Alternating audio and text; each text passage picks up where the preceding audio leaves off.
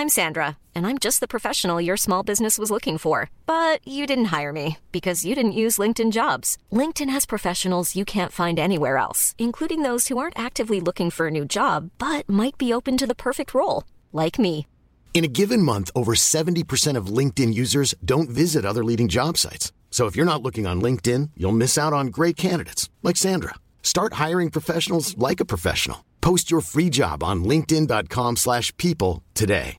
One size fits all seemed like a good idea for clothes Nice dress. Uh, it's a it's a t-shirt.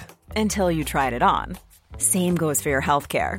That's why United Healthcare offers a variety of flexible, budget friendly coverage for medical, vision, dental, and more. So, whether you're between jobs, coming off a parent's plan, or even missed open enrollment, you can find the plan that fits you best. Find out more about United Healthcare coverage at uh1.com. That's uh1.com. Ready to pop the question? The jewelers at BlueNile.com have got sparkle down to a science with beautiful lab grown diamonds worthy of your most brilliant moments. Their lab grown diamonds are independently graded and guaranteed identical to natural diamonds, and they're ready to ship to your door. Go to BlueNile.com and use promo code LISTEN to get $50 off your purchase of $500 or more. That's code LISTEN at BlueNile.com for $50 off. BlueNile.com code LISTEN. Hej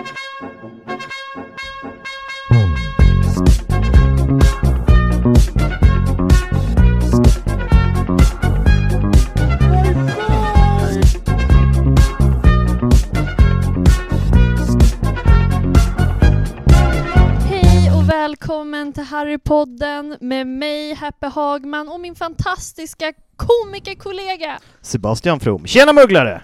Hej och välkomna till... Jag säger bara samma sak en gång till. Nu. kör igen! Nej, det behövs inte. Jag, de, vi, de som vet, de vet vad jag är på att säga. Som Eller man hur? äckligt nog kan säga. De som vet, de vet. Men välkomna till Harrypodden, en podcast om Harry Potter med två Stockholmsbaserade komiker som pratar nördighet och skrattar. Åt Harry Potter och med Harry Potter. Och åt varandra. Och kränker karaktärer. Ja. Oftast inte varandra, men Nej, det gör vi oftast utanför podden. ja, det är ju så med oss komiker. Man har ju, man har ju vissa komikerkollegor som man är så här snäll kompis med. Mhm. Och sen har man ju vissa som man är taskig kompis med. Mm. Jag märkte det så tydligt, för jag var körde i Uppsala i onsdags, och då var jag med Pontus Kroneld som har varit gäst här. Han är jag verkligen snäll kompis med. Mhm. Och sen är det Desi Hetala. Vi är riktigt, alltså jag vet inte, vi blir som två syskon. Så Mm. fort vi ser, hon slår mig direkt, det första hon gör.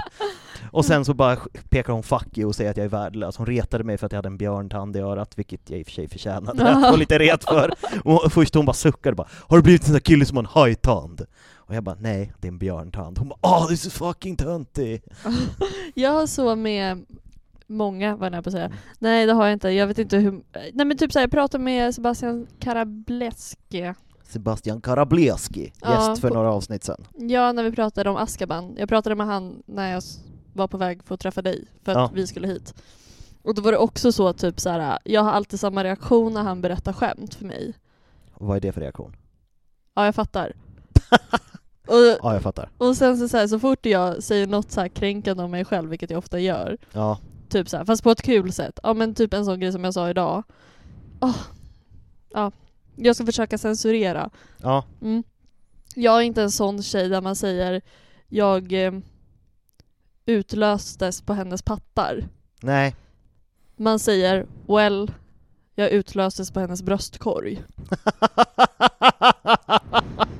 det är kul. Det är jättekul. Det är ett bra skämt. Ja, och då var han så här, alltså jag vill så gärna säga så mycket nu, men jag är rädd att du ska bli ledsen. och jag bara, ja, kör på mannen. Och så Eller? säger han någonting och så blir jag ändå ledsen. det blev ändå lätt. Ja, jag kan tycka det är så svårt det där, för jag, det kommer jag ihåg med Pontus någon gång när vi satt och skrev, eh, vi satt och skrev skämt någon gång, Mm. och då sa han, för att han, han är ju lite så här eller vad man ska Mm. säga. Det samhället säger är snyggt. Objektivt sett. Precis. Eh, och då sa han att han, det är lite jobbigt när man ska skriva skämt om sig själv, för att just när man skriver skämt om sig själv ska man ju klanka ner på sig själv. Mm. Men det är lite svårt när man är snygg. Mm. Men, och då var det så här, jag vågade först inte säga, jag bara, men du kan ju säga att du ser lite så här kristen ut, Mm. att du har en väldigt sektledar-aura. Jag skulle precis säga det, för fan vad han har varit med i en sekt. Ja men verkligen, jag sa det att han borde säga skämt att han antingen ser ut som någon som har en sekt eller direkt skulle gå med i en sekt. Mhm. Men det, det flög, tyckte han. Ja. Ja. Ja men sånt där är roligt, jag tänker att jag ska komma tillbaka. Jag har kört så himla lite på sistone. Mm, Jag har kört ganska mycket, men jag har också planerat dåligt de senaste veckorna, så det är därför. Jag är väldigt trött idag, kära lyssnare. Jag har sovit fem timmar de senaste tre nätterna. Inte Ja. sammanlagt utan Nej. per natt, så 15 timmar. Ja men precis. För att jag var i Uppsala och kom hem vid typ halv ett och sen skulle jag upp och jobba sju. Mm. Och sen så igår samma sak, och i förrgår samma sak. Alltså inte gigga, men jag har varit iväg och gjort grejer och bara inte kunnat sova. Ja, jag är lite tvärtom. Eller så här, jag har varit så... Eh, jag vet inte, jag mår bara... Jag mår typ bra. Sa hon chockerat. Ja, nej men det är lite obehagligt. Är det Fast- obehagligt att må bra? Nej, jag mådde ju faktiskt jättedåligt på tunnelbanan. Ja. Och så, eller på tåget, och så mötte jag upp dig. Jag bara, vi kan inte prata om det nu för jag kanske kommer gråta. Och så berättade jag i alla fall och så grät jag inte. Nej, det var ändå att starkt. jag blev, ja, men jag blev också lite besviken på mig själv. Du hade, du hade förväntat dig en god gråt. Ja, för jag var nära på att gråta på tåget. Var du? Ja, jag satt och höll tillbaka och bara... Uh-huh. Ja, starkt. Jag höll ju, men det är mest för att jag är helt utsliten. Jag höll på att börja gråta för att tåget för att jag, min buss var, var så två minuter sen, så att jag precis inte hann med tåget. Så var Mm. nästa inställd, så jag fick stå i Spånga i en halvtimme och vänta. Och jag redan, var redan stressad för jag bara så okej, för egentligen var planen att efter vi har spelat in nu skulle jag och Tove dra för det är matfestival i Vällingby, Mhm. med massa olika mat från olika delar av världen. Och sen så skulle vi dit med Simone och Lukas, två kompisar och lyssnare. Men sen så bara, vi hinner inte det, för det stänger åtta, och om vi ska podda, vi kanske är där halv åtta. Åh. Så jag var nej, så jag var redan stressad över det, men sen planerade vi om att vi ska ses i stan istället och äta på en tjeckisk restaurang. Nej men gud så trevligt. Ja. Men, så att jag var redan stressad och besviken över att det inte blev av, och sen så bara, nu är det en halvtimme till som Mm. bara faller bort. Mm. Så då var jag nära på att börja gråta. Ja, men jag, Men jag hade. Tove på telefon, så hon lugnade Ja, du mig. har i alla fall någon att prata med. Du kan ringa mig nu, du håller på att börja gråta. Ja, jag svarar sant. de flesta gånger. Ja, ja. ja jag, nej, men jag satt på tunnelbanan. Nej, nej jag vet inte. Ja, men jag är dålig på... Men, nu flamsar jag bort. Men för, kör. För jag, nej, för jag kände att jag var nära på att säga en mening, sen kom jag på någonting som var mycket mer intressant. Kör det istället. Mm. Jag har sett en fjäril nu. Har du sett en fjäril nu? Mm. Två bredvid varandra. Okej. Båda var ljusa. Du kommer ha ett dubbelbra år, säger vi att vi hittar på att det betyder. Ja, eller så, så här, betyder att jag blir fejklycklig, typ att jag börjar knarka. Så jag bara 'Livet är så jävla bra!' Ja, men alltså, hade, du, hade du fått sett en mörk och en ljus samtidigt, då hade jag mer trott på knark. Mm. Att det är mörkt men man får det att bli ljust. Ja. Men nu eftersom det var två ljusa så tänker jag att det finns ingen annan tolkning än att det kommer bli jättebra. ja men det känns bra med tanke på att jag känner mig ledsen över en sak innan som du vet vad det är men som jag inte tänker ta upp vad det var. Ja, Mm. nej jag förstår. Vi, jag, jag blev också lite besviken för nu fick jag mejlet att vår show inte kom med på Lund. Nej. Men jag ska vara med i tävlingen så jag ska ändå ner dit. Ah, fuck off. Du sökte ju inte, jag sa åt dig att söka. Ja, men... men- det, var- det var också i och för sig under din stressigaste period, typ, när, precis när du och Eddie hade gjort slut innan du hade flyttat ut och allting var jättejobbigt för dig. Ja, just det. Den tiden. Ja, Undrar hur det kändes. Det kommer jag inte ihåg. Nu känner jag bara annan känsla. men vi måste ju också säga en sak som är kul. ja vad? Eh, nej, men, eh, nej men vi har, nu tar jag ett beslut åt oss. Kör! Ja. Nej men för det första så var det kul, vi fick ju veta att någon har ju nämnt oss i KP. Ja, jag fick reda på det av ett barn. Att Älskar de, barn. de har ju så här insändarsidor, jag försöker hitta det men det är jättesvårt. Eh, att det, det finns insändarsidor ish Mm. på KP där man skriver så korta meningar så här. Jag vill ha en brevvän, eller skriver ett skämt, Mm. ett prutskämt eller någonting, som barn gör. Men då var det någon som hade skrivit Om ni gillar Harry Potter, lyssna på Harrypodden. Åh, det är så gulligt. Och den person som skrev det, eh, åh vad jag undrar vem det är. Men eh, tack så jättemycket, det betyder massor. Men i det så känner jag lite att vi tar beslut också, för det var ju någon som kommenterade, man, eh, det kan vi också säga, om ni lyssnar på Spotify Ja, eh, så kan man interagera, interagera med oss där genom att vi har en fråga som just nu är stående som är vad tyckte du om avsnittet? precis. Skriv gärna där för då får vi lite respons på vad ni tyckte. Ja, Men då var det en person som sa det, snälla sätt inte explicit, eh, vilket betyder att är man minderårig? ja, typ under, jag tror till och med det är under 18 för att det är helt galet. Men Ja. Eh, Är du under 18 så kan du inte lyssna på det avsnittet och anledningen att vi gjorde det var för att vi pratade om lite saker som eh, kanske inte alla ska lyssna på. Men Nej. vi kanske väljer nu framöver att inte prata om sådana saker så inget avsnitt blir explicit. Nej men precis. Och om det blir någonting som vi behöver prata om så släpper vi det Patreon exklusivt. Så att om man vill höra explicit material då får man betala för det. Typ om mitt datingliv. Eller hur? För det är det som... Det är det som förstör. Jag måste sluta vara så snuskig! Happy! Happy! Happy ending. Nej, men... Okej, nu ska vi vara rena. Ja, det där kommer inte klippas bort. Nej, nej, nej. Vadå?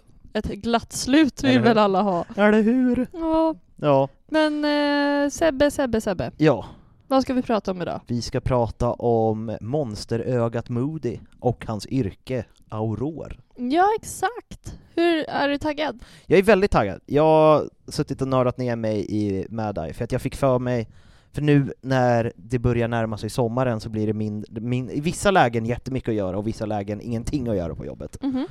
Och då satte jag mig ner och eh, i förväg, innan vi hade bestämt vem som skulle ta vad, så har jag bara här skrivit om allt och till nästa avsnitt också. Jaha. Så att jag bara har det förberett. Nej, för men gud vad skönt. som sagt, jag har väldigt mycket så det är skönt att ha liksom allt förberett. Ja, sånt där borde man ju göra. Ja.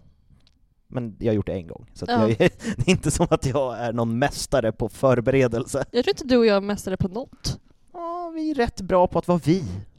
Oss själva. Ja. Det är också inte sant i mitt fall. Nej, inte riktigt jag heller. Jag är 14 olika personer, Ja, ja, ja. beroende på vem jag umgås med. Ja, gud vilken jävla kam- kameleont man är. Ja, ibland, alltså ibland, jag också, jag kan känna det eftersom jag har Gud, alltså det är så himla, jag har en odiagnostiserad diagnos. För det första har jag tre olika väskor, som jag har för tre olika syften. Jobb, eh, fackligt arbete och eh, stand-up slash podd. Mm. Nu har jag i och för sig fel väska med mig, nu har jag jobbväskan med mig hit. Så att jag har dem som står bredvid varandra så att jag kan sätta på mig vilken roll jag ska ha. Ja, ja. Och sen har ju jag liksom så här vissa kläder som jag har med vissa personer. Mm.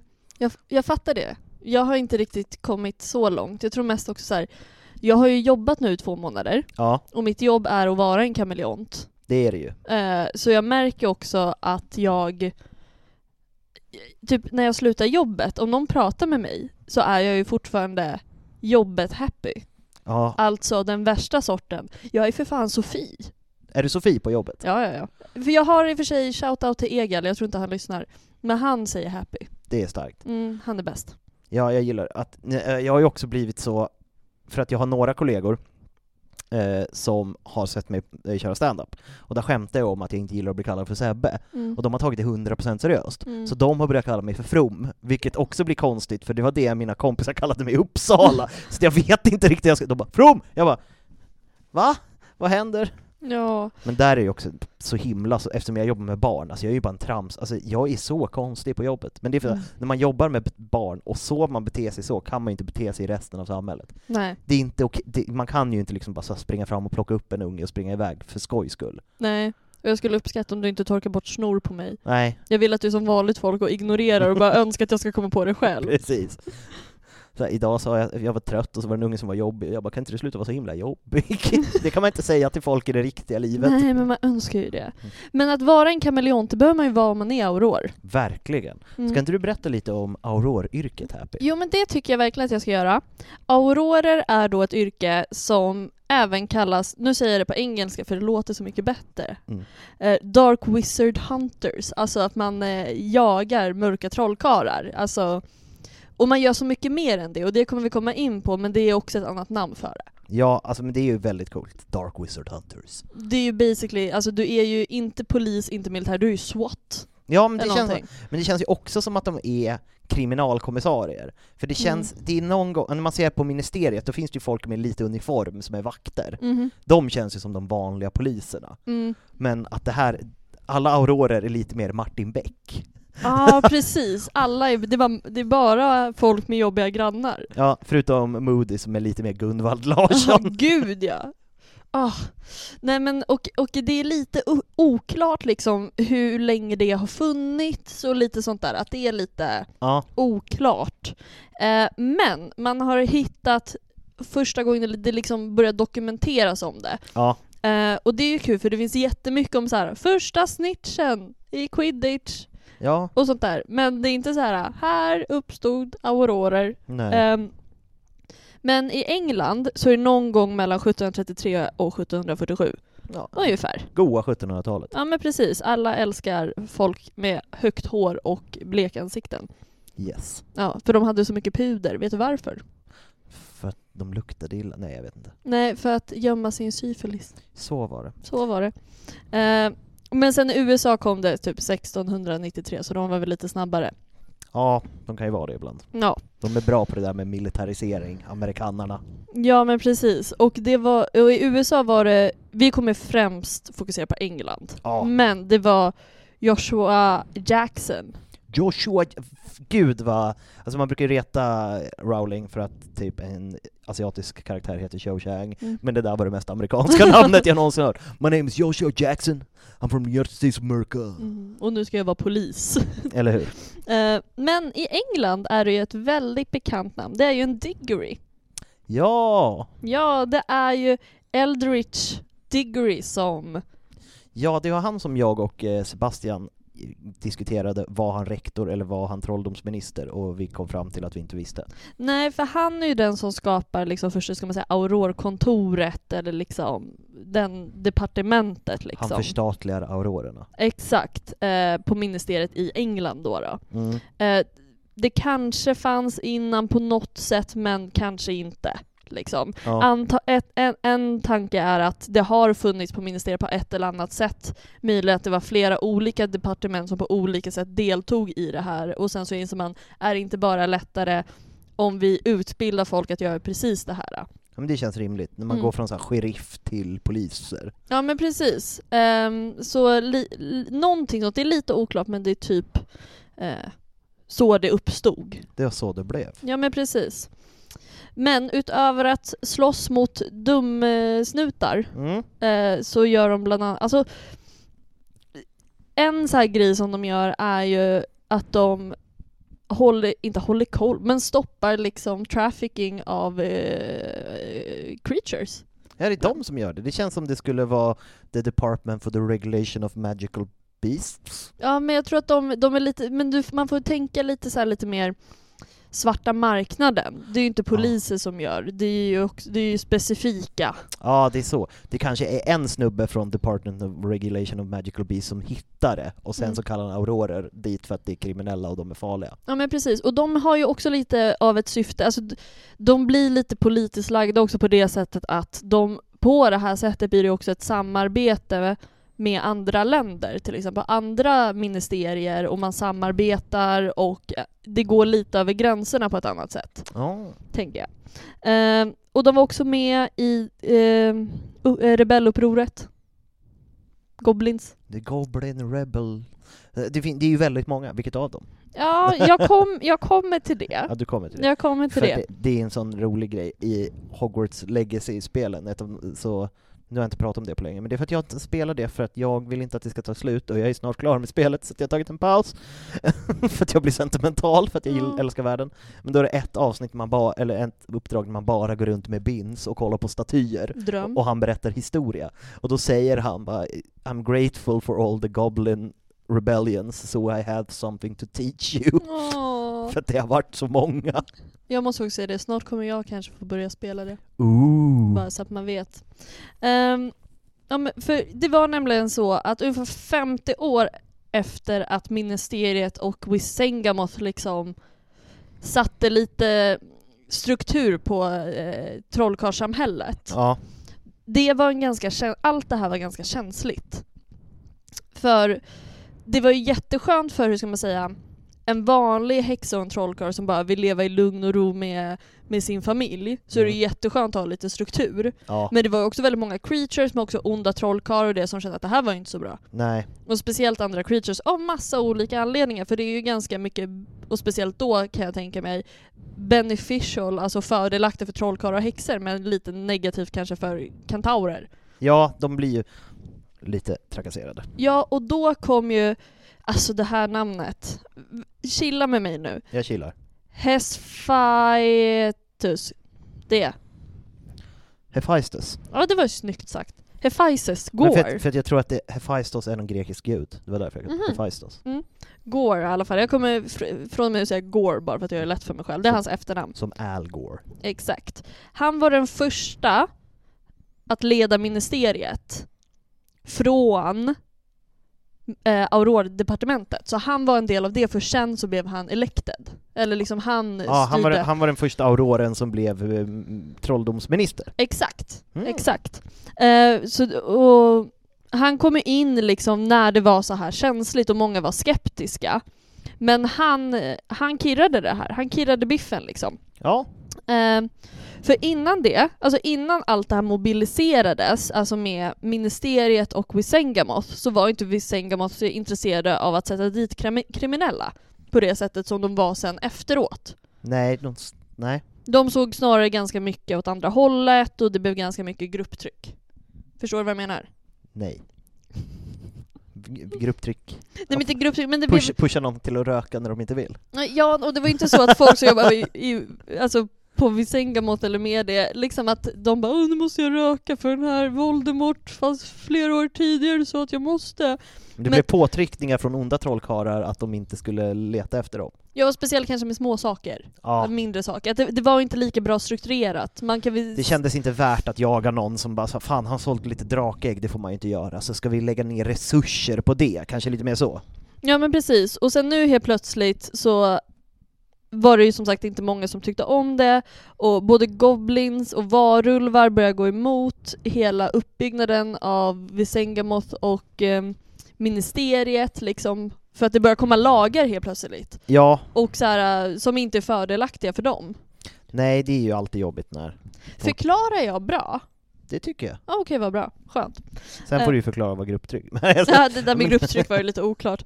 Men då, Gore då, då Ja. han kommer in där och folk bara, det är ett ganska nytt departement och han är den första liksom som eh, blir eh, eh, ministeriechef, vad heter det? Eh, jag sa ju det nyss. eh, Minister of Magic, eh, trolldomsminister. trolldomsminister. Så det är ett ganska stort eh, liksom, ansvar, att det sätter ju lite prägel på något sätt. ja. Men han med hjälp av psykologi och kunskaper om varelsers liksom, svagheter ledde honom till att liksom, häxor och trollkarlar och ministeriet vinner. ah, Så a.k.a. Eh, creatures fortsätter att vara förtryckta. ja, han, han, han, var en bra, han var en bra talare, som Hitler. Ja men precis. och efter allt det här upproret, för det var ju då liksom ett slags goblin-uppror Ja. då, då och varulvar bara vi hakar på det här och lite andra. Det är klart de gör. Ja, såklart de gör. Sneaky creatures. Ja, för man kan säga så här innan ministeriet fanns och främst innan aurorer var strukturerade på det här sättet, Ja, då var det ju, man kan säga så här, det var lite mer rajtan-tajtan i trollkarlsvärlden liksom. ja. Du, kunde gå in, du gick inte in i en skog för du visste att det var fullt av vampyrer där inne till exempel. ja. Eller liksom, det var roligt om du var wild and crazy men det var inte kul om du bara försökte överleva. Nej, alltså det känns ju vilda västern, att det är så här, Mm. det finns inga riktiga lagar och regler, det finns en liten sh- sheriff lite här och var, men han är säkert också mutad av en varulv, så att han kommer inte bry sig. Ja men precis, så liksom efter det här, och främst efter Gore då, då, var det liksom så här. det finns ju eh, departement, dep, department, departementet, alltså lagdepartementet, alltså det finns ju olika, Ja, vi, som sagt, vi kommer ha ett avsnitt om alla departement på ministeriet. ja det kommer. Men det finns Department of Magical Law. Exakt. Så liksom den kombinerat med aurorer gjorde det väldigt säkert och det var ganska många år av att det var ganska lugnt. Mm. Eh, liksom de gjorde det de skulle göra, de blev lite mer poli- Man kan tänka i lugna perioder så är de ju mer så här, lite mer polisaktiga kanske. Ja, Och sen bara steppar de upp när det behövs. Eh, så det var ganska tyst och lugnt fram tills Grindelwald kom faktiskt. ja Grindevald. Ja men precis. Eh, för innan det så, så här, de dödade lite varulvar typ. Ja, Det var liksom det de gjorde mellan upproret och Gore till Grindelwald liksom. Men andra creatures ser aurorer på ett annat sätt, exempelvis goblins eller kentaurer kan se liksom, de ser ingen skillnad på en auror i kostym och en ond trollkarl. För för dem så blir det inte så mycket fördelar. nej för de är lika förtryckta av båda. Exakt så här. varför ska jag lyssna på den här ministeriegubben och tycka att han är så himla bra versus en ond trollkarl? Det är en sak man får göra i Hogwarts Legacy eftersom en av de stora fiender där är tjuvjägare Mhm. som, man, som vill fånga beasts och eh, sälja deras hud. Mm. Och- Åh. Ja, Mm. jätteobehagligt. Men, och då är det kentaurer som man får försöka deala med för att få hjälp av dem, att Mm. stoppa dem. Men de vill först bara, men vad, vad, är, vad är skillnaden egentligen på dig pojk och dem? Ni är exakt likadana. Mm, Och så får man säga, nej det är jag inte, jag är en snäll pojke. Så springer jag runt och gör imperio på folk, så att jag är inte så snäll. så himla hemskt. Nej men så där vid Greenwald, där, och där har man sett filmerna där så är det ju ganska många med, men sen är det ju egentligen Dumbledore som defeats Grindelwald liksom. Yes. Och han är ingen Auror. Nej, han är bara en vanlig hedlig lärare. Nej men precis. Och jag kommer komma in på det lite hur man blir Auror, men exempelvis när det är Grindelwald då är det så här, ja men du, det är ganska nice om du är bra på Defense Against the Dark Arts, för det är Ja. liksom ett väldigt viktigt ämne att vara bra på, för du slåss bokstavligen mot väldigt många onda. Ja, potions ska man ju också ha, för det nämns ju i Mm. Harry Potter-böckerna, att, Ja. att Harry vill. Exakt. Och jag kommer komma in på det ytterligare, vilka Yes. ämnen som är bra att kunna då. Men sen kommer Voldemort, för sen blir det lugnt igen, sen kommer Voldemort, och då börjar Aurora göra någonting som de inte har gjort tidigare. använda de ondaste av trollformer. Eller? Ja, de tre unforgivable curses. De oförlåtliga förbannelserna. Exakt. De börjar använda dem, de bara haha. Eh, och när jag läser det blev jag ännu mer så här. för jag kan bli ganska liksom irriterad på att de används otroligt lite i andra kriget. Ja, Sen är de lite mer i böckerna än vad de är i filmerna. Men fortfarande, hade, hade jag, det är bara att köra på. Alltså, ja. var inte snäll mot en dummen. Avada kedavra, avada kedavra, avada kedavra. Ja. Tre döda. Klart och betalt. Eller hur? Inte så här wow, In- äh, Expelliarmus! jag gör dig till en sten. Fast det hade varit jättecoolt. Ja men, eh, Och sen krossar man stenen. Det är exakt lika hemskt. ja faktiskt. Mm. Men, eh, sen blir det liksom mycket lagar och red efter Voldemorts Ja. första fall. Eh, så blir det väldigt mycket så här lagar och regler och ordning för aurorerna liksom.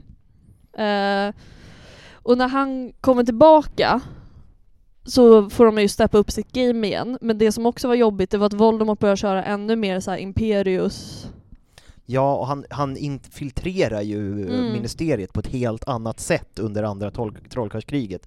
För då har han ju han Pius Fingne McNeath. Han heter ju Pius som betyder så här velig. Ja. Han den onda, spoken like a true politician. Ja, just det.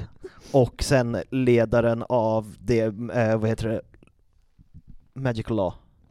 Eh, Het, the Ja. Department of Magical Law, eller om det är Magical Enforcement, skitsamma. Polischefen i alla Mm. fall är ju också en dödsätare, så det, Mm. han lyckas ju ta sig in på ett jävligt bra sätt. Exakt, så det blir ju lite annorlunda. Men där, om man tar Nymph- Nymphadora Tonks till exempel, Mm. hon är ju auror. Ja, Men det är ju inte som att hon kanske går på jobbet på samma sätt under den här perioden, utan det blir ju mycket mer så här. hon har tagit tjänstledigt för annat uppdrag. Ja men precis, det blir, alltså, så jag gissar att det, det var väl inte, när man märkte att det här känns ju inte bra, Nej. då var det kanske inte så mycket att man drog in till jobbet liksom. Nej. Väl på samma sätt. Ehm, och sen efter då, efter Voldemorts fall på riktigt, då öppnas Auror-departementet ännu mer. Nice. Liksom det blir större, alltså det blir ännu bättre. Liksom. Och det blir också mer struktur på hela ministeriet efter det här. Ja. Så det är egentligen the history. The history of the auras. Och sen kommer jag kom, jag, Aura? What, what's an aura? alltså din Thomas. Oro? Ah! Jag, alltså det är så passionerat från min sida när han säger det. Ett passionerat hat från Ja. Hagman. Ja, åh från Hagman. Eh, och sen har vi avsnittet Hur auror, som jag skrev. det står bara Hur auror, och sen så står det Hur man blir en auror. Ja. How Ehm. to become an aura? What's an aura? Oro! Ehm, nej, och då, jag tycker att McGonagall säger det bäst. Ja. Mm, hon säger You need top grades for that. They ask for a minimum of five newts, det är ganska mycket. Fast Mm. inte sjukt mycket, men det är ganska mycket. And nothing under exceeds expectations grade. Det är väl typ VG, det är väl Mm. det näst högsta. Ja. I, eh, I see. Then you would be required to undergo a stringent series of character and Aptitude. tests at the Auror office. It's a difficult career path. On, eh, they only take the best. Mm. Det är så Minerva McGonagall beskriver hur man blir en auror. Yes. Men sen för att tillägga på det här då, då ämnen som är väldigt bra att liksom ha höga betyg i eller vara väldigt duktig i det är ju som sagt potions, defense against the dark arts, transfiguration, herbology och charms är väldigt bra att kunna och där vill man ha liksom outstanding eller då exceeds expectations. Precis. Eh. VG, MVG eller VG. Inga gen. Nej men precis. Ehm, och precis som du sa, det är därför Harry också är väldigt sugen på att ta potions. Ja. Fortsätta när Slughorn. Ja, för först vill han ju inte, och då säger ju Men har du gett upp på din dröm att bli auror? Ja, men eh, jag får inte börja på en högre nivå för att Snape vill bara ha folk som har exceed expectations, typ. Mm. För att kunna börja på Owls. Nej, Newt level. Newt, Newt kommer level. efter Owls. Ja, precis. Eh, Newt level, men eh, då får han inte. Och sen så Slughorn ändrar det till bara, ah, nej, jag tar in alla. Du Ja. får komma om du vill. Ja, till, till och med Ronald är där. Till och med Ronald Mm. McDonald! Ja men precis, och det var ju bra för han blir ju auror sen. Han blir ju auror sen. Och sen då, så det, när man går i skolan så är det det som gäller. Men sen ska man ju också komma in på då Polishögskolan. Yes. Det, man känner igen jättemycket från Polishögskolan här, säger kvinnan som har dejtat någon som går på Polishögskolan. Yes. Sen gjorde hon inte det längre. Jag ska bara. Ehm, men det, ja, och då, Nymfedora Tonks tycker jag säger också ganska kul. I got top marks in concealment and disguise during oral training.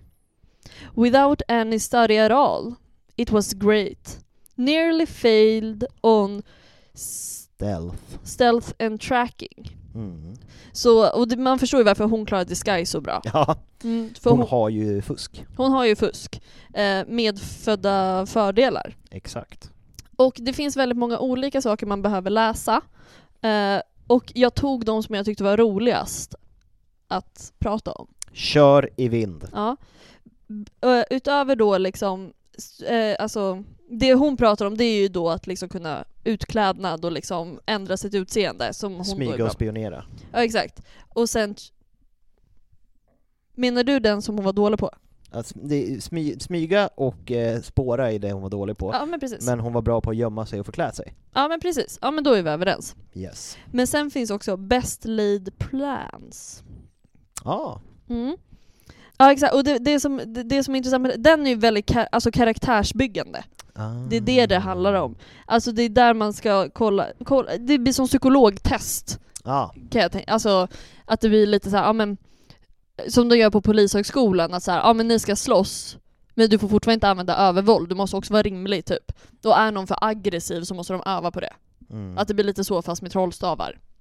Förstår du vad jag menar? om någon kör sektum sempra så får de gå om ett år. Ja men precis, lite så. Eller så klarar de det. Ej. Eller hur? Ej. Men sen också såklart måste man ju då ta upp Method of the Mad Eye. Ooh. Mm. Det är ju någonting som alltså är inspirerat av Alistair Moody liksom. Eh, Eller tekni- träningstekniker som är inspirerat av Alistair Moody. Eh, och det handlar om att man måste stå på sina fötter och alltså, f- vad heter det? Försvara sig? Försvara sig själv alltså över en timme. Det är inte lätt. Nej, det känns som man blir trött. Ja, och det är det som är hela poängen. Att Ja. man ska liksom palla trycket. Mm. Så, så det är ju så himla mycket mer än att kunna typ Defense Against the Dark Arts. Du ska också så här, du vet inte hur länge du behöver stå där. Nej, Du, du är SWAT. Du är SWAT-team. precis. Deluxe. Men det som jag har hittat här, det, kan jag kasta- det tar typ tre år. Att bli Auror. Aurorskolan är tre år. Ja, men det är typ som polis. Liksom. Mm. Och nu vill inte jag jämföra för mycket, men det är mest för att folk ska få en bild av att det är ganska likt. Det är nog ganska likt. Fast med trollstav. Då då. Eller hur? Eh, men sen också, eh, några aurorer som finns, det är ju Nymfadora som jag när- nämnt. Kingsley Shacklebolt, My favorite. exakt. Och sen blir ju Ron och Harry också aurorer. Precis. Och Harry skapar ju liksom nästan som en ny del av departementet, för det här menar att det växer. Han blir ju liksom Director of Auror department. Han blir chef. Han blir chef, liksom. Mm. Basic, ja, och, och han blir ju det vid ganska ung ålder, han är typ 26-27 när han blir det. Helt orimligt. Han är bara en pojkvasker. Ja, Vad gör han då? Gud vad det finns äldre gubbar där som har jobbat länge som tycker att det var fel att han blev chef i så ung ålder. Han har ju fan ingen erfarenhet. Ja visst, han dödade Voldemort, men vad fan, jag har jobbat här i 30 år. Det var min chans nu, ja men precis. Han bara 'Jag hade också kunnat döda honom om han bara var efter mig' Eller hur? Det är fan lätt att döda honom om man springer efter en hela tiden.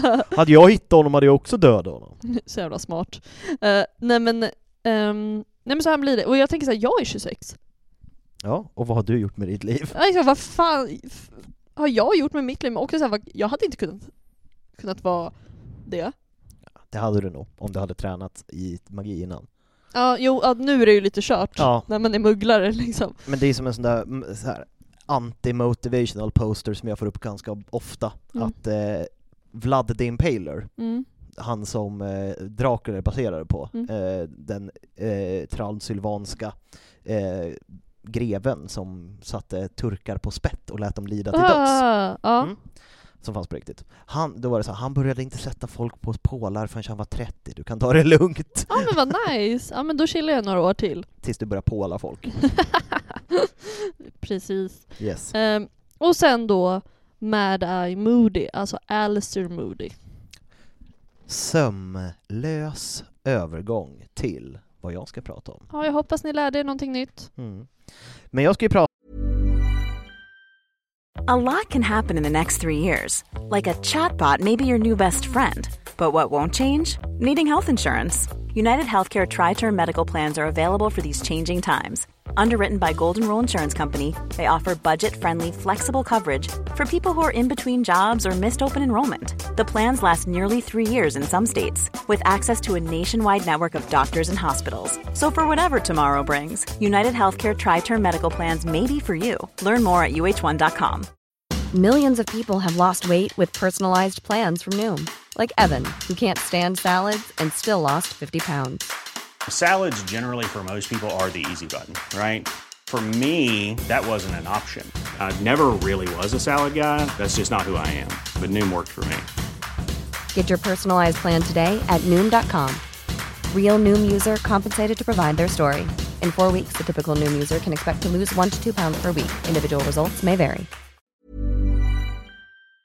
om då Alistair Mad Eye Moody, som var en renblodig trollkarl, född cirka 1959, man är inte helt säker, man har gissat 59, kan vara 60, 58, men typ Han känns ju lite äldre Mm. än deras föräldrar. Precis. Eh, båda hans föräldrar var aurorer, så att han kommer liksom från en aurorfamilj. Och han anses vara en av de mäktigaste aurorerna som någonsin har funnits. Det märkte man ju på det Happy sa, att de har till och med tekniker som de kör efter hur han verkade. Mm. Och enligt Ron så satt ju majoriteten av de mörka trollkarlarna på Azkaban på grund av honom. Ha. Eh, Moody's beskrevs som att han hade morrande röst och såg ut att ha ett ansikte grovt uthugget i trä. På grund av skador från hans långa karriär som auror var den täckt med ärr och en bit av hans näsa saknades. Det är lite äckligt. Det är lite äckligt. Han hade mörkgrått hår, han hade också träben och, hans, och foten i träbenet förklarades som klad, alltså en klor på foten. Ja, alltså det, jag tycker verkligen om Alistair Moody i filmerna, hur Ja. de har gjort honom. Men det är ju så annorlunda, alltså det där blir jag ju så här. jag föredrar han i filmerna framför i böckerna. Ja, för han är lite obehagligare i böckerna med en Mm. halv näsa. Och han, hans ögon är det mest chockerande draget. Det ena var litet och mörkt, och man tänkte knappt på det, medan det andra var ett stort blått magiskt öga som rörde sig runt oberoende från hans normala öga, så han kunde röra det åt vilket håll han ville, även om det andra kollade framåt. Och det kunde se igenom eh, allt. Eh, sitt eget huvud, Mm. osynlighetsmantlar, föremål, väggar. Mm. Eh, Labyrinter. labyrinter, precis.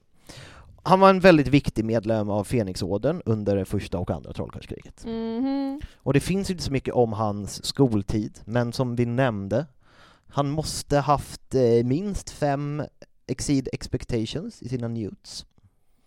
Och sen så tränade han tre år på Aurorskolan. Tror, ja. Tror att Jag tror att han var bra i skolan eftersom han klarade det där. Ja, Men han känns ju också i så fall... Jag, kan alltså jag försöker föreställa mig honom i skolan. ja, Och den är svår. Jag tycker det är jättesvårt. Jag kan också tänka mig typ att han var helt okej som barn. Alltså kanske, alltså kanske nästan gränsen till dålig. ja. Men sen så inser han att han vill bli auror. Och då kämpade han. Ja, på liksom typ de ämnena som var viktiga. Ja, men det tror jag. Jag tror, men också så här, jag tror att han inte hade så mycket val heller med tanke på att båda hans föräldrar var aurorer. Ja, du tänker att han kanske hade press hemifrån? Ja, Mm. men i alla fall, under första trollkarlskriget så jobbade han åt ministeriet, så att han körde ju både döda dödsätare på, på jobbet, men även åt Fenixorden på fritiden, eftersom då hade ju inte ministeriet blivit övertaget av Voldemort på samma sätt. Så då sprang han runt och dubbeljobbade helt enkelt, på Tog- jobbet. Tog med jobbet hem. Japp. Alla lärares dröm. Eh, när Barty Crouch senior tillät aurorerna att använda de oförlåtliga förbannelserna så använde sig Mad av dem utan att tycka att det var en riktigt jättedålig grej. Ja men han är Gunvald Larsson. Han är Gunvald Larsson, och han är känd för att han har dödat flera dödsätare. eh, Evan Rossier, bland annat, och en dödsätare som heter Wilkes. Och det är någon av dem, för det var i den striden som han blev av med halva sin näsa. Mhm.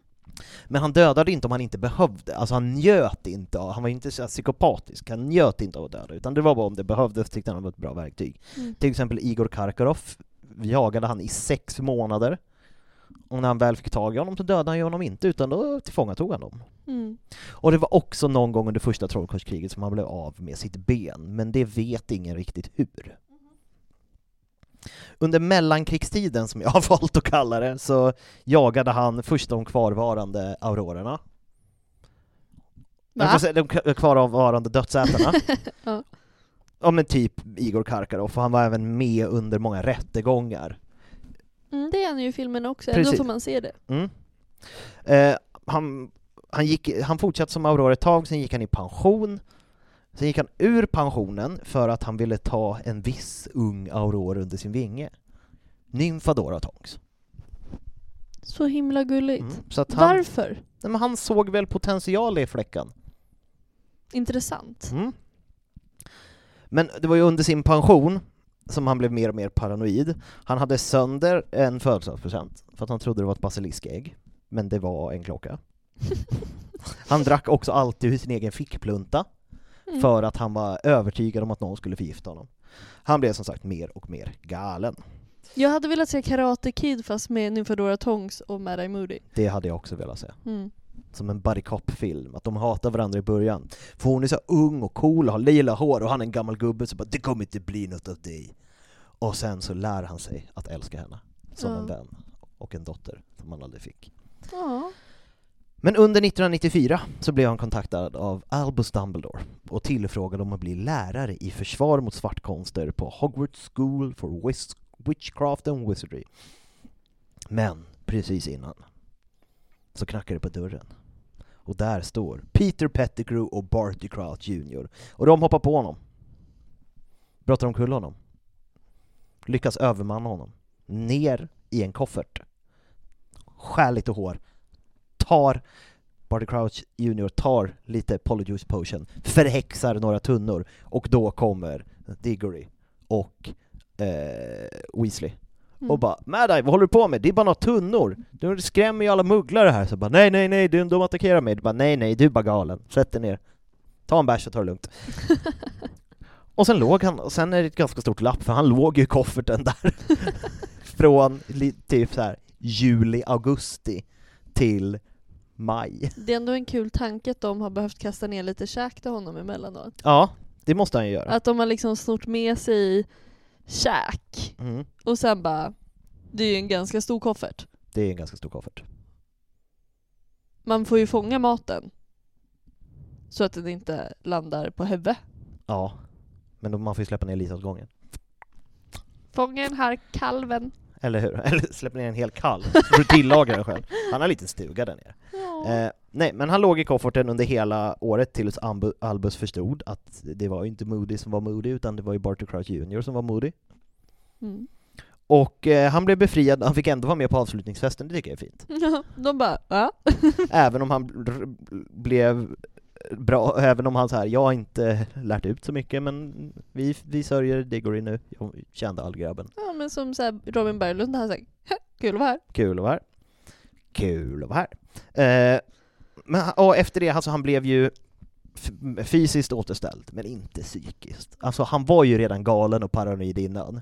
Mm. men han blev mer galen och paranoid efter. Och en sak som han störde sig på det var att efter att eh, Barty Crouch Jr hade haft hans öga, Jo, alltså det är inte någonting man vill dela med någon annan. nej, så det blev lite förstört. Mhm. Så att det, det, det låste sig och han fick olja det lite då och då för att få loss det. F- Att det fastnade i bakhuvudet. Så det Åh. behövdes extra mycket rengöring. Men som sagt, han var, han var ju en av de liksom som var mest aktiva tillsammans med eh, Dumbledore att återuppväcka Fenixorden eh, under 1995 när Voldemort kom tillbaka till makten. Mm. Han var, han var med i vaktgruppen som förde har, eh, vad heter det, Harry från Private Drive till Grimaldiplan eh, 12. Jag älskar att han bara drar ihop det gamla gänget. Ja, gud vad han har lite väntat på det. Han Mm. tar upp fjäderpennan och liksom tar upp sin lilla adressbok och bara så här, man ser att hälften är överstrykna för de dog i förra kriget, så är fem stycken kvar. Okej, Tonks skriver vi till, Sirius, han är redan här. Var det? Shacklebolt? Ja, sen- Shacklebolt, ja, Sen var det två till. sen var det två till, och sen så bara, ja, det var de som inte var döda. Eh, han kom också på Ron och Hermiones eh, prefektfest, för de har ju en liten fest i det. 12. Han påpekade då att Ron måste vara bra på att motstå trollformler, för annars skulle han aldrig kunna ha en ledarroll. Jaha, alltså, du, alltså motstå i sitt prefektande? Ja. Ja. Det är väl lite av hans paranoia. Han rensade också bort Bogarten tillsammans med Remus och Sirius, Ja, den som skrämmer li- eh, Molly. Ja. Mm.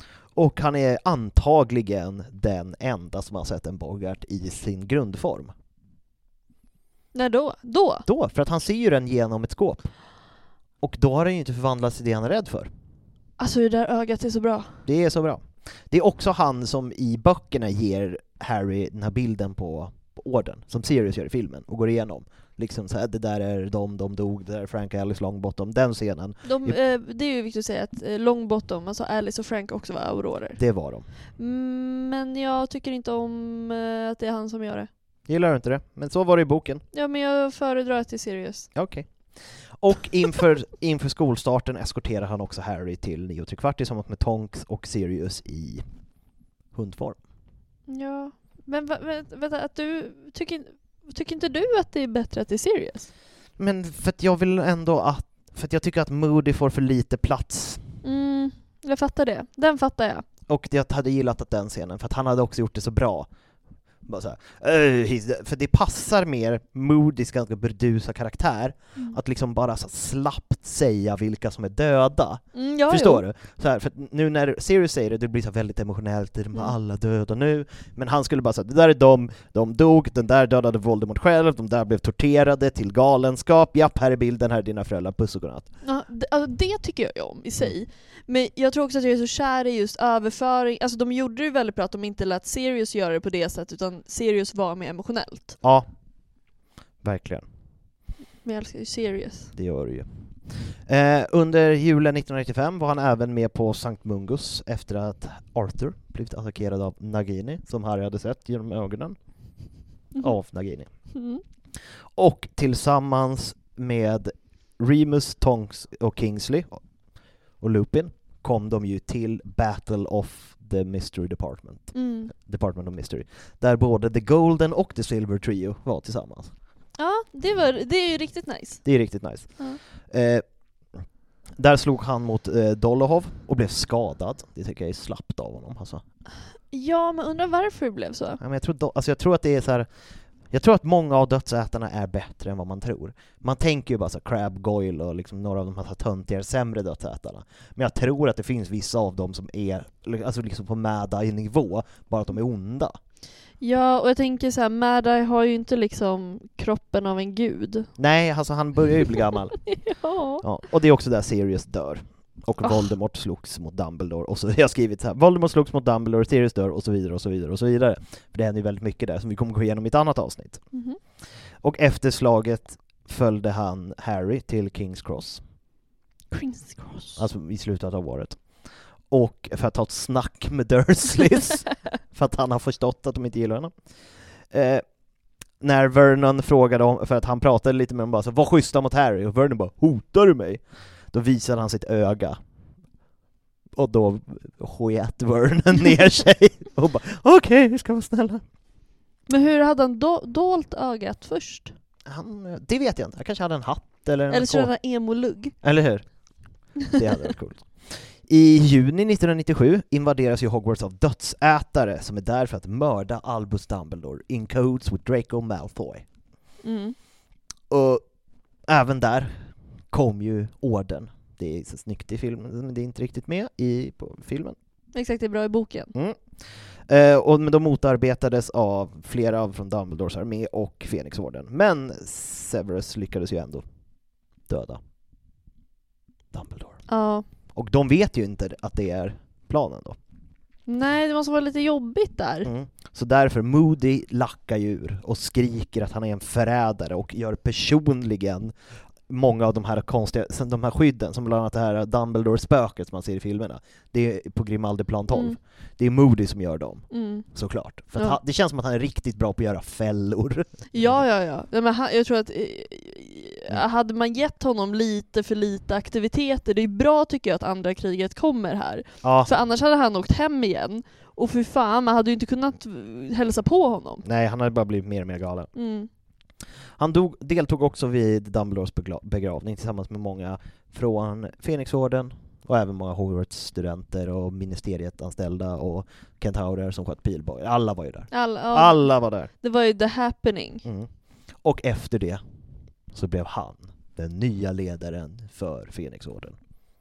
Han var ju, vad heter det, lite second in command under Albus Dumbledore. Men Mm. nu är han the big boss of the operation. V- vad, hur tror du att han kände om det? Alltså tror du att han var så här, ah nice, nu kan jag rätta till lite saker för att Albus var lite slapp, eller tror du att han kände så här, jag kan inte göra det här? Jag tror att han inte gillar ledare, för att han, jag tror att han inte gillar ansvar. Nej. Han känns mer, alltså han är ju hellre den som ber om förlåtelse än tillåtelse. Han är ju hellre den som liksom får ett uppdrag, gör det, och sen kanske han gör lite fel på vägen, och då är han så här, ja men det, jag gjorde det så här, men det jag löste det, så det är lugnt. Mm. Men om han ska börja säga åt andra vad de ska göra, och börja ta ansvar för andras actions, det tror inte jag han gillar. Nej. Men han hann ju inte varit så länge. För strax före Harrys 17 födelsedag eh, var det ju ett team av, med bland annat Moody, som skulle ta dem från Private Drive till Kråkboet, eller i filmen till Kråkboet, i boken till ett gäng utplacerade flyttnycklar. Mm, Alla skulle till en separat flyttnyckel som alla skulle ta dem till Kråkboet, det är lite mer sats i plan. Ja. Och de flög på kvastar och testraler och flygande motorcyklar och grejer. Men det var värdelöst för att Pius Thicknees hette han. Mhm. Han hade ju störtat departementet så att det hade ju kommit ut. Mm. Någon hade golat. Mm. Så att eh, det blev ett bakhåll från dödsätarna. Och eh, Alistair Moody parades ju med Mundungus Fletcher. Motvilligt. Ja. Och Mundungus ville inte riktigt heller vara med i den här grejen. Så att gruppen överfölls direkt av dödsätare. Och Bill och Fleur berättade att de var precis bredvid när det här Mm. hände, för dödsätarna gick direkt till attack mot eh, Moody. Mm. För de tänkte att de kommer ju sätta Harry Med den med- med den bästa. Ja. Men Mundungus fick ju panik och transfererade sig bort direkt. Åh, så Och- dåligt. Och då kommer Voldemort själv och kastar en förbannelse på Moody. Så han faller av sin kvast. Vet du vilken? Men det måste ju varit en Avada Kedavra. Jag är Mm. nästan helt säker på att Han det gör ju bara den. Mm. Och eh, Bill och Fleur fick så dåligt samvete för att de ville ju, Hämta hans kropp. men de kunde inte för att de var jagade. Mm. Så att de återfann aldrig hans kropp. Dödsätarna måste ha hittat hans kropp Mm. eftersom hans öga sen hamnar i Mm. eh, Eh, Dolores Umbridge. Dolores Umbridge dörr Ja. när hon jobbar på Department Snacka of om att Magical, också, Magical Law. ja, alltså också att vara paranoid. Ja, Men det är så himla hemskt för, för två saker som jag Yes. vill ta upp då, för där är, är storyn slut där. Eh, jag har en sak till. Mm. Att, eh, som sagt, de hittade hans kropp. Men under någon gång 2008-2009 fick han ett porträtt på Hogwarts. Och det tycker jag är fint. Det förtjänar han. Så, kör nu. Han borde ju, alltså okej, sure. Uh, Hufflepuff har ju att man ska prata med en uh, barrel eller vad det nu är för att komma in i Ja. rum. De har ju någonting sånt där. Ja men nå- man ska, man ska spela på en så här, Helga Hufflepuff, Ja, exakt. så är det. Där hade man velat ha honom. Utanför Hufflepuffs. De hade ju blivit rädda för honom. Ja, men han var ju en Hufflepuff. Ja, men de hade väl ändå blivit rädda för honom Ja, men de, behöv, de behöver kaxa till sig lite. Ja, Eh, nej men jag älskar Hufflepuff. Men det jag ska säga, två saker som är sorgliga, eller så här. Det ena är, för det första, att hade inte Remus och Nymfodora ja, varit ett par, så hade antagligen Tonks då, alltså Nymfodora, ja, åkt med Moody eftersom de är så tajta. precis. Då hade saker kanske blivit annorlunda. Det hade det nog. Nymfadora hade inte dragit. Nej, och vi har ju diskuterat innan vad vi egentligen tycker om Rem, eh, Remus och eh, Tonks. Nymfadora. Nej, precis. Men de, alltså som sagt, jag tror ändå att det blev ju bra till slut. Det, Ja, det, var, det, det är ju inte James och Lily förhållande, det skulle jag inte säga. nej. Nej men precis. Eh, men eh, ja, det är bara en sorglig tanke. Ja. Alltså just det i sig liksom. Och det är samma sak där, hade Sirius överlevt, kanske Sirius, alltså det går att tänka mycket så, så, så kan man inte leva. Men jag tror hade Sirius överlevt, Ja. då hade Sirius envisats med att åka med Harry, Mm. och då tror jag Voldemort hade fattat det. Ja men jag tror att det är därför Madde inte hade låtit honom göra det. Mm. Madde hade aldrig låtit det bli så. Nej, det är sant. Men, men då så här, för det känns som att Dödsärtan har inte alls koll på vem Hagrid är överhuvudtaget. Nej, han har fallit under radarn. Det är ju i och för sig väldigt bra. Mm. Men det är konstigt att Voldemort inte har koll på Hagrid. De är ju gamla klasskompisar Eller nästan. hur? Det glömmer man verkligen Va? bort. När de flyger där, bara- för det är ju en scen när de möts och, de blir, och det Mm. blir den här att deras trollstavar inte kan eh, Mm. priori inkantaten med varandra och det är tvillingsjälar och skit. Mm. Det skulle vara jättekul om Voldemort bara stannade upp men Rubius? Är det du? Jag kommer ihåg när jag fick dig utkickad från skolan. Klassåterträff. alltså gud, the class of vadå, han är sjut, eh, class of 26 eller någonting Ja, precis. Och sen det andra jag ville ta upp också, man vet ju att de hade så otroligt kul på ett psykopatsätt när de, när de åkte och hämtade hans kropp. Ja, gud ja. Jag, jag, jag, jag kan se, du vet, så här, jag gillar ju sådana mörka komedier där att det är någon som tar loss hans ben och Mm. låtsas att det är en giraff eller Ja, någonting. ja, Bara. Kolla, jag är Moodys ben! Ja, och det är så himla obehaglig tanke för han förtjänar så otroligt mycket bättre. ja, Alltså om det är någon som borde få evig vila så är det ju han. ja, han får ju det, men på ett ganska hemskt sätt. ja men jag menar så här, verkligen så här, han han borde ja. ha dött, dött eh, stilla stilla. bredvid Tonks. Mm. De är ju underskattad duo. De är väldigt underskattade du. Det, och det är det jag också säger, jag tror att, och så här, det här är inget negativt mot alltså Tongs och Remus relation på något sätt, för det känns som att vi är väldigt alltså, kritiska mot den när vi pratar om den. Ja, Content, det jag menar är mest så här. det känns som att hon blir så himla starkt förknippad med honom, ja, med Remus liksom. Men man tapp, och då tappar man liksom Mad-Eye och henne. Verkligen. Alltså den, de, deras historia försvinner och drunknar bakom hennes Remus. Ja men precis, och det tycker jag är lite tråkigt. Mm. Vill du ha lite fun facts? Jag försökte hitta flera, men det fanns inte så många. Så, fun fact eh, nummer ett. Alistair, det är grekiska och betyder försvarare eller hämnare. Mhm. Det är väldigt, hon har tänkt efter när hon har kört det namnet. Och sen, eh, vad heter det, det är fun facten som alla egentligen vet. Skådisen som spelar Moody Mm. är ju pappa till skådisen som spelar Bill Weasley. Mm. Det tycker jag är väldigt Och det gulligt. var ju hans favoritreplik när de, eh, inför sista filmen. Ja, Så ställer de frågan så här, vad är er favoritreplik under alla år? Och Hermione bara I'm going to bed, du vet den. jaha. Alltså Emma Watson. Och, och han som spelar Bill sa ju det bara, jag, tyckte, jag har inte så många men jag tyckte det var väldigt kul att säga att min pappa är död. Det är ju för övrigt en av mina, eh, tycker man om Bill Weasley så ska man ju kolla på About Time. About... Jag känner igen det, vad är det? Nej men det är ju min eh, favoritkärleksfilm som är, som är jättefin. Men ja, men du, just det, du har berättat om den tidigare, Ja. om den, det är typ tidsresor fast inte sci-fi. ja men Som precis. du beskrev den för mig. Ja, och den är väldigt, alltså content, alltså den är mycket mer så här. det är inte det här åh de har väntat på varandra i 50 år och aldrig tagit någon annan älskare, utan det är liksom så här. ja, vanliga människor. Det är vanliga människor som gör vanliga grejer helt enkelt. Och där är ju Rufus med också. Rufus Scrimgeour? Ja, han spelar ju, han som spelar Bill Weasleys pappa. Ah, Mm. Harry Potter. Harry Potter. Ja. Mm. Vad tycker du om Mad Eye Moody?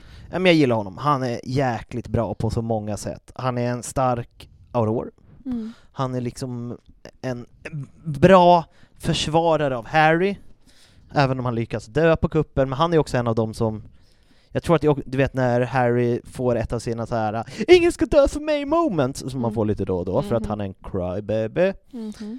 Men då tror jag han tänker väldigt mycket på just Mad Eye. Mm. det är liksom det måste ju vara det största slaget, för liksom Sirius ja, men Sirius dog ju med honom Mm. på ett helt annat sätt. Nice one James! Precis.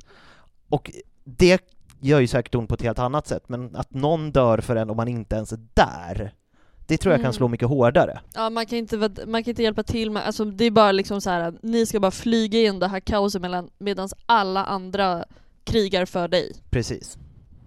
Mm. Ja, nu blir jag sugen på att se om. Vi pratade om det Nej, med någon. Jag vet inte om vi pratade om det i podden, eller om vi pratade utanför podden. Mm. Att man ser ju all, att man blir aldrig sugen på att se eh, Dödsrelikerna Part 1. Ja men det var med Gustav Härner. Det var med Gustav Hädner. Men nu blir jag sugen på att se Dödsrelikerna del 1. Ja men den är, my- alltså, den är mysig fast på sitt sätt. Jag Ja. tycker ju om, jag tycker att den får väldigt mycket hat och jag förstår varför. Ibland när jag kommer till den, om, det, om man känner så här, nu har jag dragit igenom alla filmer, då är ju den den som är så här, vi är nästan vid slutet men det händer inte så mycket. Men annars så tycker jag att den är, man får bröllopet, man Mm. får eh, väldigt bra karaktärer. Ja, Eh, det, det är lite nice att det går långsamt för det är väl förståeligt varför jag gör det, för de flyr. ja precis. Och jag men jag kan inte gilla det. Och här, är, är det den som den fantastiska dans, den fina dansscenen som är typ helt improviserad? Ah, ja. Den är så fin. Åh, den är så bra. Den är så bra. Åh, nu har du, nu har du fått ner mig Nu har här. jag fått ner i Oh. Men för det är verkligen så, det, jag hade sett, alltså det var någon filmkille som jag såg på TikTok som analyserade, för man bara att det här är det rimligaste någonsin. Mm. För man kollar på folk som här, typ under andra världskriget i London, när man var tvungen att här, stänga alla fönster och barrikadera sig för att det bombades hela tiden. Mhm. Och då var det så här, folk så här, ville bara att det var som vanligt, att de tog en stund och bara levde. Mm. Och det är det de gör i den scenen. De struntar i att alla dör runt dem, de tar bara en stund att vara. Ja men precis. Och det, där ser man deras vänskap så himla Exakt så är deras vänskap i böckerna också. Verkligen. Det är liksom på något sätt, och det, det är den scenen men sen också i Halvblodsprinsen, snacka om att vi bytte ämne nu. Ja, Eh, men även i Halvblodsprinsen när Hermione är ledsen över Ron och Lavender. ja, just det. När, när hon bara How does it feel when you see Ginny with Dean? I know. I'm your best friend. Ja, Alltså för där, alltså det är inte samma sak men det är fortfarande liksom, där är hon känslosam och liksom Harry Potter har ju lika mycket känslor som liksom en bit plast. eller hur? Eh, The emotional range of a teaspoon, som Hermione i och för sig säger om Ron. Ja, men precis. Ehm, men han finns, och det är där han har någonting som kanske Ron glömmer bort ibland, och det är just att så här, han känner in henne Ja. ändå på ett annat sätt. Så den är också bra. Alltså just att hon kan se bara, men jag ser ju att du är kär i henne. Ja, det tror jag Ron är lite för upptagen i sig själv för Ja. att kunna se någonting sånt. Ja, han har ju liksom varit eh, sugen på eh, att komma nära tjejer sen typ trean. Ja, det känns som att Ron är ju den som mognar, det har vi sagt, han mognar ju sexuellt mycket tidigare än vad Harry gjorde. Ja, han är ganska asexuell ganska länge. Ja, Och Hermione för upptagen med annat. gud ja, det är ju lite där i fyran som vi har pratat om, när hon och Krum krummar. Ja, Men det är väl det närmaste. ja men precis. Mm. Ja, nej men jag, bara för att, ja. Men jag måste återkoppla, jag diggar också Moody jättemycket. Ja. Jag tycker också att det är sorgligt att han inte får så mycket, eller sorgligt, gud vad dramatiskt, men att det är tråkigt att han inte får så mycket plats i, i filmerna utan han blir mer så här: haha, där var ju han från fyran, fast snäll. Ja. Och han, eh, han ska alltid klampa in med sin käpp. Det är först där i Private Drive, för, eller båda gånger, eller för, i Private Drive först med Nymfador när han bryter in i rummet där, när Mm. de ska ta honom, och sen när de Battle of the Seven Potters, och sen när de tar honom, han bara såhär Do you have to come with me? Uh, han arg på Sirius som Ja. skulle envisa, You're bla bla bla, the whole operation. Whole operation. ja. Men jag gillar ändå att han är så här burdus, men jag tror, jag tror att han är så himla snäll. Bara att Mm. han låter, men att han låter hetsig. Jag Ja. tror det är det som är grejen. Ja, jag tror att jag... Ja. Hur tror, hur, hur tror du att hans kärleksliv har varit? Jag tror att det har varit eh, svårt. Jag tror att han är svår att leva med, och jag tror att han också... Han... Jag tror inte han gillar monogami. Nu Mhm. menar jag inte att han är polyamorös, Nej. eller någonting sånt. Jag tror bara att han har svårt att känna att han behöver ta ansvar för någon annans känslor. Mm. Att han gillar liksom att vara själv, han gillar att göra sitt jobb, och om det kommer någon som bara så här, Men varför jobbar du så mycket, kan du inte vara med mig? Då kommer han vara så här, okej, fuck you då, då drar jag. Mm, ja men verkligen. Och ja men jag håller med, jag, jag tror också det. Och ja, det är samma sak om man tänker på hans vänskapskrets. Ja, Så känns det som att han har få vänner som är vänner och in, vi, vi, har- du har ju nämnt det flera gånger så här, killar kan inte vara vänner om de inte har ett gemensamt intresse eller projekt. precis. Eh, att han, alla hans vänner är typ såhär, ja ah, men vi, det är gamla gänget från orden, eller Ja. gamla aurorer. Men det känns som att Tonks är den enda som han kommer genuint nära. Verkligen. Jag tror att han och Tonks kan prata på ett helt annat sätt än vad han kan göra med någon annan. Och Ja. kanske vad Tonks kan göra med någon annan. Kanske inte ens med Remus på det sättet. Ja men det känns som att när han går för långt så kan hon säga så här: nu skärper du dig. Mm. Och han kanske inte säger åh förlåt, men han blir såhär mm. Men han tar in det hon säger. han och jag, lyssnar. ja, och att han ändå tänker på det till nästa gång. På Mm. något sätt. Medan om det är någon annan, då är det så här: du är dum i huvudet, eller så här, ja men om det är en partner, typ så här, men stick då. Ja, Jag måste få göra mitt shit. precis. Ja. Känner vi oss klara? Mm. Du ska få fara iväg, Ja. och jag ska få fara hem. Ska du hem? Gud vad skönt. Jag, jag, jag menar på säga, jag har inga vänner, men det är mest att jag har inga som är lediga idag och jag behöver städa för jag har varit 15 år i en vecka. Ja, Mm. jag förstår. Som man kan vara. Det förstår jag. Ja. Mm. Det roliga är att alltså, jag är jättetaggad på att träffa mina vänner, men jag är så trött så att jag, en liten del bara, hade, varit, hade också varit skönt att åka hem. Jag har ett så himla dåligt gig imorgon. Jaha, vart då? Eh, jag, Cecilia och Birgitta Kläppke ska köra i en lekpark klockan två, gratis. Vart då? Blackeberg. Kanske kommer. Gör det. För att vi blev tillfrågade, för att Ceci- Cecilia blev tillfrågad, eh, om, för att det är något som Blackebergsdagen. Det är massa loppisar och grejer i Blacka. Oh! Och eh, då kontaktade de Westside, och då sa jag, Cecilia tog det direkt liksom så här, bara, men det blir säkert skitkul. Visste inte någonting om förutsättningarna, och sen bara okej, vi sen bara fan, det här blir jättesvårt. För att Cecilia har aldrig MCat förut, ska MCa. Mm. Jag ska ju köra en clean act för att det kommer ju vara barn där. Så att jag måste to, tror jag, hem och skriva nya skämt. sa, har jag 12 minuter clean? Nej, det tror jag fan inte att jag har! Nej. Och eh, ja, så det kommer bli väldigt svårt. Konstiga förutsättningar. Mm, Birgitta kommer ju flyga. Birgitta kommer flyga. Mm. Det tror jag verkligen. Happy hickar. Mm. Men du får jättegärna komma förbi. Ja, när du sa loppis, jag håller på att samla på med loppis för jag skulle på loppis igår, blev jag medbjuden. Ja, Eh, Du, eh, du vet vem det på att säga. Ja. Eh, Men, och, men det var ju också för barn. Vi såg ut som någon som skulle ta ett barn och gå. Ja, jag hatar det. det. Nu måste jag, nu kommer vi in på andra grejer. Alltså, förra sommaren så skulle jag, jag och Tove bara så, fan vad nice det skulle vara att dra till ett äventyrsbad. för att vi är barn. Eh, och sen så bara, okej det finns i Västerås, det finns i Örebro, det är fett långt borta. Så bara, fan finns det inte ett i Södertälje? Mm. Kokpunkten eller vad Ja, heter. just det. Det är inte ett äventyrsbad. Det är en pool med massa barn och en vattenrutschkana. Så jag och Tove åker dit, vi åker till Södertälje, det är liksom kokhett. Går från Södertälje, det är en liten bit att gå, kommer dit, betalar, går in, går igenom, så standard, går igenom de här vanliga simbassängerna där folk tränar, går in och inser det. Det är vi. Och liksom 45, 5 till 10-åringar med sina föräldrar. Alltså nu quotar jag bara låten i G. Barn. Älskar bara barn. Ja. Vill bara vara barn. Exakt. Så då var det så här, vi stod där en stund och bara okej, hur ska vi göra det här så att inte vi ser ut som att vi är eh, pedofiler? Men vi bara, vi åker lite vattenrutschbana, badar en stund, och sen gick vi därifrån för det var lite för stelt. Det är också jättekul att ni bara, vi vill inte, vi vill inte se ut som pedofiler. Men vi tar några vänder först.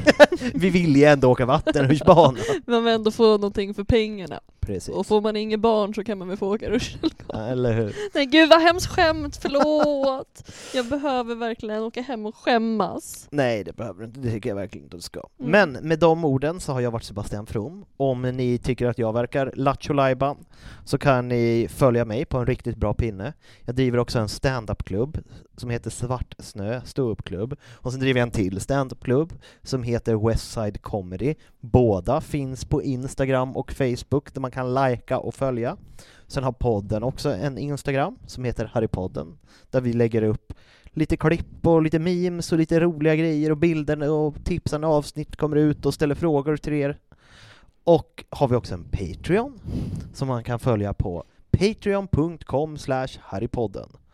Och sen har du också en Instagram? Ja, jag har en Instagram som heter Happy Hagman med två n på slutet. Eh, jag har inget annat. Förutom, jag har en novell som snart ges ut, en novellsamling. Vi som... kommer nog lägga upp det på Harrypodden, Exakt. man kan köpa den någonstans. Ja men precis, man kan köpa den i tryck. Jag fick veta det idag. Jag kommer få ett gratis exemplar och sen om jag vill kan jag köpa in fler. Hur lång är den? Alltså min är ju typ tre, äh, tre fyra, eller vad blir det på... A5 eller? Ja, det blir väl typ tre sidor på vanligt A4-papper. Så typ sex, sju A5. Mm. Jag tycker att vi ska läsa upp den för mm. Patreons. Det tycker jag verkligen. Så bli Patreon så kommer ni få höra en inläsning av Happys novell som heter Övergången. Övergången. Så håll utkik. Puss och hej. Puss och hej.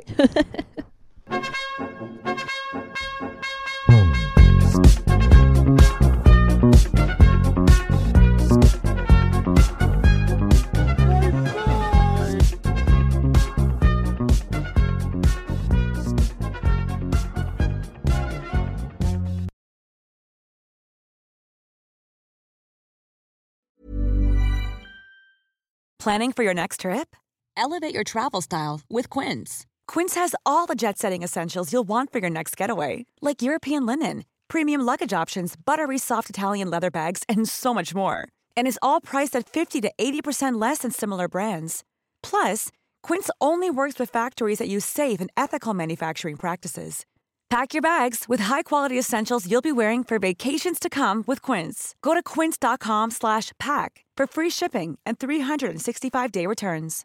When you make decisions for your company, you look for the no-brainers. And if you have a lot of mailing to do, stamps.com is the ultimate no-brainer. It streamlines your processes to make your business more efficient, which makes you less busy. Mail checks, invoices, legal documents, and everything you need to keep your business running with stamps.com. Seamlessly connect with every major marketplace and shopping cart Schedule package pickups and see your cheapest and fastest shipping options from different carriers with rates up to 89% off USPS and UPS rates. And with the Stamps.com mobile app, you can take care of mailing and shipping wherever you are. Make the same no-brainer decision as over 1 million other businesses with Stamps.com. Sign up with Code PROGRAM for a four-week trial, plus free postage and a free digital scale. No long-term commitments or contracts. That's stamps.com. Code program. Treat mom to healthy, glowing skin with Osea's limited edition skincare sets. Osea has been making clean, seaweed infused products for nearly 30 years. Their Golden Glow body set includes three clinically proven bestsellers for smooth, glowing skin, while the Glow and Go facial set provides spa level results at home. Both sets come in giftable boxes with savings up to $48 and free shipping for a limited time. For 10% off your first order site wide, go to OSEAMalibu.com and use code MOM.